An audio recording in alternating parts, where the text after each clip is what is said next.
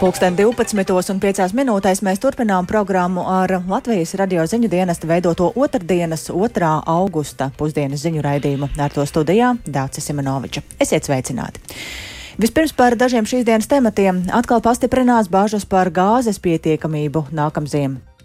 Tas ir mūsu Rīgas iekšējais dokuments. Jā, šis dokuments noteikti ar ierobežotas pieejamības informāciju, jo tur ir arī komerces informācija viņā iekļauts. Mēs arī tā nedaudz brīnamies, ka viņš ir kaut kur ticis uz āru. Ziņu programmā arī vērtēsim, vai un ko par gaidāmo ziemu un enerģētiku partijas min savās priekšvēlēšana programmās. No frontes pienāk ziņas, ka Ukrainas aizstāvju pretuzbrukumi valsts dienvidos piespieduši Krievijas karaspēku ierobežot darbības austrumos. Uh, Mūs nopietni satrauc tas, ka Krievija ir sagrābusi kodola objektus Ukrainā, jo īpaši Zaporīžas atomelektrostaciju, kas ir viena no lielākajām Eiropā. Un pusgadu pēc iedzīvotāju iebildēm Dienvidu kurzemes novads ievieš skaidrību bērnu dārznieku ēdināšanā. Brīvpusdienu tomēr nebūs. 220 liekas priekš mūsu augošajām cenām adekvāta. Tomēr šādu kopēju vienotu lēmumu visam novadam vajadzēja jau veikt eh, agrāk.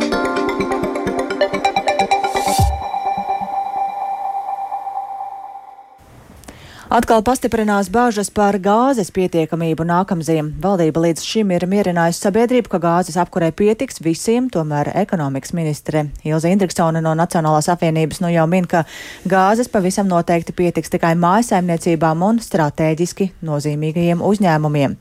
Savukārt Latvijas radio rīcībā nonācis dokumenta fragments apliecina, ka visai izmisīgi un neveiksmīgi gāzi apkuras sezonai meklē arī lielākie apkuras nodrošinātāji. Par to visu interesējās Linda Zalāne. Latvijas radio rīcībā nonācis dokuments, kas liecina, ka aprīlī akcijas sabiedrība Rīgas siltums nosūtījis vēstuli akcijas sabiedrībai Latvenergo, ka uzņēmums nolēmis piekrist Latvenergo sašķirinātās gāzes tirniecības piedāvājumam ar iepriekšēju apjomu rezervāciju, pasūtot gāzi Klaipēdas terminālī. Maijā Rīgas siltums sazinoties ar Latvenergo noskaidroja, ka iespējams plānotā sašķirinātās dabas gāzes apjoma piegāde no Klaipēdas termināļa nenotiks. Jūlijā Latvenergo oficiāli atbildēja, ka uz doto brīdi nav iespējas nodrošināt dabasgāzes piegādi Rīgas siltuma vajadzībām.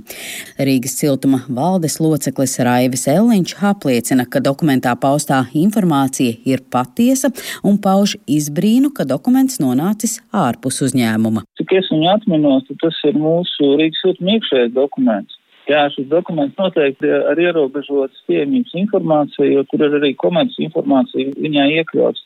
Mēs arī tā nedaudz brīnamies, ka viņš ir kaut kur ticis uz āru. Rīgas siltuma rīcībā nav informācija, kādēļ Latvenergo nebija iespēja Klaipēdas terminālī iegādāties Rīgas siltuma vajadzībām gāzi 0,25 terawatstundu apjomā. Sadarbība nav beigusies. Latvenergo vienkārši pagaidām līdz šodienai ir informējis, ka šī dabasgāzes piegāde nav iespējama, bet eh, tai pašā laikā ir piebildes, ka Latvenergo turpina darbu, lai iegādāties šo dabasgāzi. Un mēs arī paši, protams, iegādājamies dabasgāzi. Mums ir eh, dabasgāzes iepirkumi katru nedēļu. Mēs lēnām tātad papildinām šo savu portfeli nākamajai apkursu sezonai. Konkursējam neatkarīgi no tā, ka mums ir šī sadarbība ar Latviju Energo. Latviju Energo tas mums bija tā, vienkārši, nu, ja viegli var dabūt, tad mēs būtu priecīgi izmantot šo iespēju bet nu, nebija tā, ka mēs tā simtprocentīgi rēķinamies ar šo iespēju. Latvijas energo ministru kabineta uzdoto papildu sašķidrinātās dabas gāzes apjomu 1,8 līdz 2,2 terawatstundas apjomā no Klaipēdas sašķidrinātās dabas gāzes termināla, lai nodrošinātu tūlītēju dabas gāzes energo apgādes drošību, ir iegādājies. Tas, ko ekonomikas ministrija arī mums ieteica, mēs arī lūdzām Latvijas energo, tas ir vēl papildus ja viņiem ir iespēja iegādāties šo dabasgāzi lielos apjomos, tad nu, papildus šis nosacīt nelielais apjoms, kad nu, viņi varētu arī priekš mums palīdzēt iegādāties šo dabasgāzi. Ja ir tāda iespēja, cik es saprotu, līdz pagaidām tāda iespēja vēl nav bijusi, bet, nu, kā es minēju, darbs turpinās. Nu, jā, mēs esam nodrošinājušies ar dabasgāzi mūsu patēriņam jau līdz šī gada beigām un jau pat arī nākamā gada sākumam. Latvenergo plašāku komentāru par konkrēto darījumu ar Rīgas siltumu nekomentē, bet rakstiskā skaidrojumā uz Latvijas radio jautājumu, vai ir pamats bažām, ka Latvijai nepietiks vajadzīgais gāzes apjoms no klēpēdas, jo uz tās resursu pretendē visas Baltijas valstis un arī Somija, pauž šādi. Gāzes cena ir radikāli paaugstinājusies, un tā turpina celties, atspoguļojot tās nepietiekamību plašākā reģionā. Tādēļ jāmeklē alternatīvas gāzei kā resursam, un tā ir arī jaunākā Eiropas komisijas rekomendācija. Lai arī tik augsta cena gāzei nav prognozējama ilgtermiņā, tomēr visur, kur tas iespējams, ir jāveic pāreja uz citu, vēlams vietējo kurināmo. Šobrīd pieprasījums pēc dabasgāzes ir augsts, tādēļ tirzniecības darījumi ir nepārtraukts process, un tirgu tirgus dalībnieki piedalās gan infrastruktūras īpašnieku rīkotās izsolēs, gan veids divpusējus darījumus kā daļu no pieprasījuma nodrošinājuma. Tiek izskatīts jebkurš piegādes scenārijs, izņemot Krieviju. Klaipēdas terminālī jaudas rezervācija notiks, ko līdz tiks atvērta ilgtermiņa jaudas izsole gada trešajā ceturksnī. Šobrīd uzņēmumiem un pašvaldībām ir vēlreiz rūpīgi jāizvērtē savi krīzes apgādes risinājumi, rēķinoties, ka gāze kā energoresurss varētu arī nebūt fiziski pieejams, vai arī tās cena neļautu tās ekonomisku izmantošanu. Latvijas energo norāda, ka būtisks priekšnosacījums Latvijas un Baltijas apgādes nodrošinājumā ar dabasgāzi ir pēc iespējas ātrāk ātrāka vēl viena termināļa izveida reģionā, un visoperatīvāk tāds ir izveidojums Paldiski, Igaunijā. Šobrīd prognozēts, ka termināļa darbība varētu tikt sākta šī gada novembrī, un infrastruktūras izveidas darbs ir sācies. Latvijas elektroenerģētiķu un energobūnieku asociācijas izpildirektors Gunārs Valdmanis uzsver, ka patiešām pastāv iespēja, ka reģionā dabasgāze var būt par maz. Linda Zalāne, Latvijas radio. Partiju programmās saimas vēlēšanām enerģētikas problēmai ir veltīta liela uzmanība, taču detalizēti plāni, kā pārvarēt nākamās apkuras sezonas grūtības, neparādās. Vairāku partiju pārstāvi pauž gatavību noteikt energoresursu cenu griestus. Atsevišķos gadījumos piedāvāts ierobežot šo pakalpojumu pievienotās vērtības nodokļu likmi. Būtiskāk atšķiras ilgtermiņa redzējums par Latvijā izmantojamiem energoresursiem, un par to vairāk ir gatavs stāstīt kolēģis Jānis Kīncis, kurš man pievienojas studijā. Sveiks, Jānis! Jāni. Sveika, Dārts, sveicināti klausītāji! Kā deputāta kandidāti uzskata, kas, kā tad būtu jārīkojas energoresursu izmaksu pieauguma apstākļos? Jā, nu, nolakā notikušais gāzes izmaksu pārreikins izlīdzinātā tarifa maksātājiem ir eh, licis skaidrāk apjaust strauji augošo izmaksu apjomu, ar ko rudenī nāksies reķināties plašai sabiedrībai. Valdība jaunadē detalizēti izvērt, izskatīs eh, energoresursu, tostarp gāzes cenu pieaugumu daļai kompensēšanu, Un ekonomikas ministra Ilza Indriksona no Nacionālās apvienības ir atgādinājis, ka solīts kompensēt pusi no energoresursu izmaksu pieauguma. Diezgan izskanējuši arī koalīcijas partneru attīstībai par aizrādījumu par šī plāna kavēšanos, jo kompensējošajiem mehānismiem vajadzēja parādīties jau pārreķinātajos gāzes izlīdzinātā tarifa aprēķinos. Savukārt Saimnes tautsēmniecības komisijas vadītājs Kristiāns Feldmans no partijas konservatīvie, runājot par partiju plāniem, arī tātad enerģētikas jomā arī jau šajā apkurss sezonā norāda uz neziņu par Latvijas valstī pieejamo gāzes apjomu Inčukalna pazemes krātuvē. Tas nesot zināms arī tautsēmniecības komisijas deputātiem. Paklausīsimies Feldmana teikto. Pastāv zināms bažas, ka var īstenoties kādi negatīvi scenāriji, kā rezultātā visām vajadzībām gāze arī varētu nepietikt. Mans aicinājums būtu pēc iespējas ātrāk enerģētikas politikas virzītājam izstrādāt plānu, kā mēs taupām esošo mums pieejamo gāzes resursu un kā mēs viņus sadalām gadījumā, ja īstenojas kādi negatīvi scenāriji.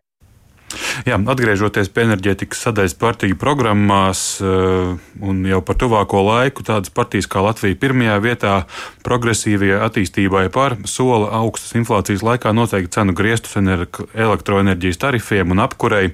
Zaļo un Zemnieku savienība un Latvijas Krievijas savienība šīs izmaksas sola kompensēt, savukārt partijas stabilitātei uzskata, ka Latvijas hidroelektrostacijas varētu nodrošināt iedzīvotājiem elektroenerģiju pēc ražotāja, nevis biržas cenām. Savukārt partija partija katram un katrai, Republika un arī Latvijas Krievijas Savienība saskata iespēju elektrībai, gāzei un degvielai krīzes laikā pievienotās vērtības nodokļu likmi samazināt līdz 5%. Un, ja runājam par ilgtermiņu, kādi tur ir risinājumi? Partija programmās daudz runāts par atjaunojamo dabas resursu plašāku izmantošanu. Jaunā vienotība sola paplašināt saules paneļu ieviešanas programmas mājsaimniecībām un uzņēmumiem, palielināt uzstādītās vēja enerģijas jaudas. Attīstībai par nosauc konkrētu plānu trijos gados uzbūvēt 1000 megavatus vēja, saules, koksnes un zemes enerģijas jaudu, kas aizstās gāzi un naftu. Vienlaikus esošajā koalīcijā ietilpstošās partijas apņemas turpināt atbalstīt ieguldījumus ēku siltināšanā. Nepieciešamās gāzes pietiekamībai vairākas partijas, kā jau nosauktās jaunā vienotība attīstībai par Nacionālo apvienību un arī konservatīvie, piemina reģionāli konkrēti spējīgi sašķidrinātās gāzes termināļu izveidi arī Latvijā, kam jau izstrādāti konkrēti projekti Skultē un Rīgā, taču citu partiju teiktajā ieskanas citas notis. Izskan skepse par sašķidrinātās, termina, sašķidrinātās gāzes termināla projekta liederību Latvijā, jo īpaši, ja tas paredzētu finansiālu iesaisti no valsts puses. Tā vietā ilgtermiņā būtu vērtīgi plašāki aprēķini par pieejamo atjaunojamo resursu apjomu un iespējām atteikties no gāzes. Paklausīsimies, ko par to saka partijas progresīvie pārstāvis Andris Šuvājevs un Digis Šmits no apvienotā saraksta.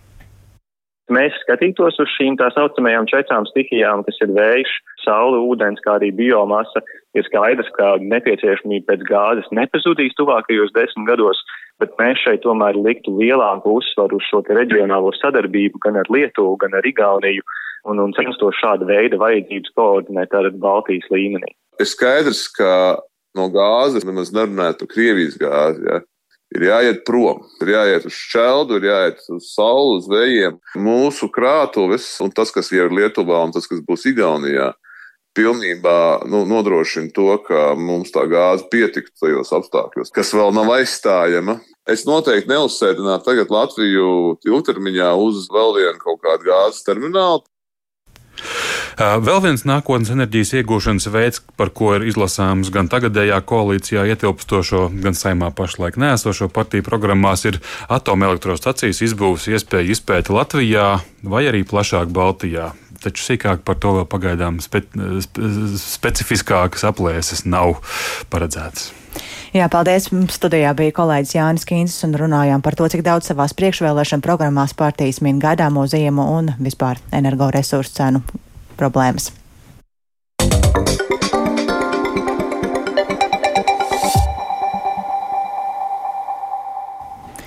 Ukraina jau 160. dienu atvēra Krievijas iebrukumu. No frontes pienāk ziņas, ka Ukrainas aizstāvju pretuzbrukumi valsts dienvidos piespieduši Krievijas karaspēku ierobežot darbības Ukrainas austrumos. Tikmēr ASV, kas Ukrainai piešķīrusi papildu militāro palīdzību, bažīs par Krievijas sagrābto Ukrainas kodola objektu drošību. Plašāk par to Ulda Ķesbere sagatavotajā ierakstā. Kārtējos Krievijas raķešu uzbrukumus šonakt piedzīvoja Mikolaivas pilsēta Ukrainas dienvidos. Vairākos pilsētas rajonos atskanēja spēcīgi sprādzieni, un vismaz viens cilvēks ir guvis ievainojumus, paziņoja pilsētas mērs Aleksandrs Sinkevičs. ANO augstā komisāra cilvēktiesību jautājumos birojas paziņojis, ka kopš 24. februāra kara darbībā Ukrainā ir nogalināti vismaz 5327 civiliedzīvotāji, bet vēl vairāk nekā 7000 ir ievainoti. Paziņojumā norādīts, ka lielāko daļu reģistrēto civiliedzīvotāju nāves gadījumu izraisīja sprādzienbīstami ieroči ar lielu iedarbības lauku, tostarp smagā artilērija un raķetes. Visticamāk, ka patiesais karā nogalināto un ievainoto civiliedzīvotāju skaits ir daudz lielāks. Ja par situāciju frontē, tad amerikāņu militārā domnīca Kara izpētes institūts raksta, ka atsevišķas Krievijas karaspēka vienības no Donetskas apgabala ziemeļiem pārvietojas uz daļēji okupēto Zaporīžas apgabalu. Līdz ar to esot apturēts Krievu uzbrukums Slovjanskas pilsētai. Domnīcas analītiķi uzskata, ka tas ļaus Ukrainas bruņotajiem spēkiem sākt pretuzbrukumu iz Jumas pilsētas virzienā Harkivas apgabalā. Krievijas karaspēka pārvietošana uz Zaporīžas apgabalu liek domāt, ka Ukrainas spēki gatavojas plašākiem pretuzbrukumiem dienvidu frontē. Zaporīžas apgabalā atrodas viena no Eiropā lielākajām atomelektrostacijām. To pašlaik kontrolē Krievijas karaspēks. ASV valsts sekretārs Antonijs Blinkens pauda bažas, ka Krievija Zaporīžas atomelektrostaciju izmanto kā kodolvairogu. About, uh, Mūs nopietni satrauc tas, ka Krievija ir sagrābusi kodola objektus Ukrainā, jo īpaši Zaporīžas atomelektrostaciju, kas ir viena no lielākajām Eiropā. Pienāk ticama informācija, ka Krievija izmanto šo atomelektrostaciju kā kodola vairogu, lai apšaudītu Ukrainas civilos un militāros objektus. Protams, Ukraiņi nevar šaut pretī, un to arī nedarīs, jo tas varētu izraisīt briesmīgu katastrofu. Ir ļoti svarīgi, lai starptautiskajai atomenerģijas aģentūrai būtu nodrošināta pieeja Zaporīžas atomelektrostacijai, un tās eksperti varētu novērtēt, vai tur tiek ievēroti visi nepieciešamie drošības nosacījumi. Ukrainas varas iestādes iepriekš ziņoja, ka Krievijas karaspēks Zaporīžas atomelektrostacijā ir izvietojis lielu daudzumu sprādzienu bīstamas munīcijas. Ukrainas prezidents Volodimirs Zelenskis pateicās ASV par papildu militārās palīdzības piešķiršanu Ukrainai 550 miljonu dolāru vērtībā. Zelenskis norādīja, ka tas pietuvinās Ukrainu uzvarai karā pret Krieviju. Vašingtona paziņojusi, ka jaunā palīdzības pakete ietvers papildu munīciju, reaktīvās artilērijas raķešu iekārtām Haimars, kā arī artilērijas šāviņus. Zelenskis arī kritizēja rietumvalstu reakciju uz Krievijas īstenoto Krīmas pussalas okupāciju un aneksiju 2014. gadā. Viņa prāt tā bija vāja un nepietiekami principiāla, tāpēc Krievija varēja īstenot vēl plašāku militāro iebrukumu Ukrainas teritorijā. Savukārt bijušais ASV prezidents Donalds Trumps uzskata, ka Ukraina būtu izvairījusies no Krievijas pilna apmēra iebrukuma, ja atzītu Krimu par Krievijas teritoriju un atteiktos no plāna iestāties NATO. Viņš arī esot pārliecināts, ka Krievijas prezidents Vladimirs Putins nebūtu uzdrošinājies uzsākt karu Ukrainā, ja Trumps joprojām būtu ASV prezidents. Arī iepriekš Trumps ir nācis klajā ar pretrunīgiem izteikumiem saistībā ar Krievijas iebrukumu Ukrainā.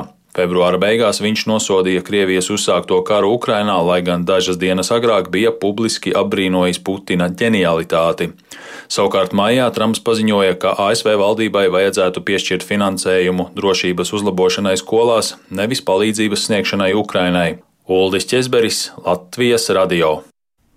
Amerikas Savienotās valstis likvidējušas pasaulē meklētāko noziedznieku grupējumu Al-Qaida līderi Aimanu Al-Zawahiri. Uzbrukums viņam noticis Afganistānas galvaspilsētā Kabulā. Kā paziņojis ASV prezidents Joe Bidenis, amerikāņi var justies drošāki, jo ASV ir apliecinājuši savu apņēmību izsakot un iznīcināt teroristu līderus. Taču eksperti norāda, ka grupējuma Al-Qaida darbību notikušais diez vai ietekmēs. Vairāk par to Uģis Lībietis. Līdz pat ilgadējā grupējuma Al-Qaida līdera Osams Bin Ladena nogalināšanas pirms 11 gadiem Aimans Al-Zawahiri tika uzskatīts par Bin Ladena labo roku un vienu no galvenajiem 11. septembra terora aktu plānotājiem. Kā paskaidrojas ASV prezidents Joe Bidenis, Al-Zawahiri meklēšana ir turpinājusies jau prezidentu Buša, Obamas un Trumpa laikā. Taču šī gada pirmajā pusē viņš ticis atrasts Afganistānas galvaspilsētā Kabulā. Izvērtējot visus drošības riskus un cenšoties mazināt iespējamos civiliedzīvotāju upurus, upurs, nedēļas nogalē ir dots rīkojums veikt triecienu, izmantojot augstas precizitātes raķeti, kas palaist no bezpilota lidaparāta. Pēc prezidenta vārdiem uzbrukumā likvidēts tikai Zavahiri, un gan amerikāņi, gan pārējās pasaules iedzīvotāji tagad var justies drošāk. Kopš Savienotās valstis pirms 11 gadiem sprieda taisnu tiesu Osamam Bin Ladenam, Al-Zawahiri ir bijis Al-Qaida līderis. No slēpņa viņš koordinēja dažādus grupējuma atzarus visā pasaulē, dodot vadošos norādījumus un iedrošinot veikt uzbrukumus Savienotajām valstīm un mūsu sabiedrotajiem. Tagad tiesa ir spriesta vēlreiz, un šī teroristu līdera vairs nav. Cilvēkiem visā pasaulē vairs nav jābaidās no šī nežēlīgā slēpņa slepkavas. Savienotās valstis turpina demonstrēt savu apņēmību un spējas aizsargāt amerikāņus no tiem, kuri vēlas mums nodarīt ļaunu. Mēs šodien vēlreiz esam skaidri pateikuši, vienalga, cik ilgu laiku tas prasīs, vienalga, kur jūs slēpjaties, ja jūs apdraudēsiet mūsu cilvēkus, ASV jūs atradīs un iznīcinās. The United States will find you and take you out. Aimana Alzavahiri uzturēšanās Kabulā, ko vēl tikai pirms gada savā kontrolē pārņēma grupējums Taliban, kārtējo reizi liek uzdot jautājumus par abu grupējumu sadarbību un to, cik spēcīgs vispār grupējums Al-Qaida joprojām ir gan Afganistānā, no kuras ir aizgājuši starptautiskie spēki, gan citur pasaulē. Vašingtonā bāzētās drošības un aizsardzības stratēģija organizācijas Šurbrausa Global Strategies prezidents Maikls Šurkins gan ir pārliecināts, ka grupējuma darbību tās līderu likvidēšana īpaši neietekmēs. Es nedomāju, ka šī slepkavība kaut ko īpaši mainīs dažādām ar Al-Qaidu saistītām organizācijām, kas darbojas visā pasaulē. Es esmu daudz pētījis, kas notiek Sāhelas reģionā, ko dara ar Al-Qaidu saistītie iebrucēju grupējumi Malī un Burkina Faso. Un man tiešām ir grūti noticēt, ka viņiem Zarhāvijas slepkavība kaut ko mainīs. Šī nekad nav bijusi īpaši centralizēta organizācija, un tikai tās galvas nociršana neko nenozīmēs. Prezidents Baidens, protams, savā runā centās to pavērst tā, ka spēku izvešana no Afganistānas nav palielinājusi mums radītos draudus. Kā norāda Maikls Šurkins, Haimana Alzavahirī slepkavībai vairāk ir simboliska un politiska nozīme. Galu galā pēc dažiem mēnešiem gaidāmas arī ASV kongresa vidustermiņa vēlēšanas, kur Demokrāta partijai būs iespēja parādīt vēl vienu panākumu cīņā pret terorismu. Uģis Lībijams, Latvijas Radio.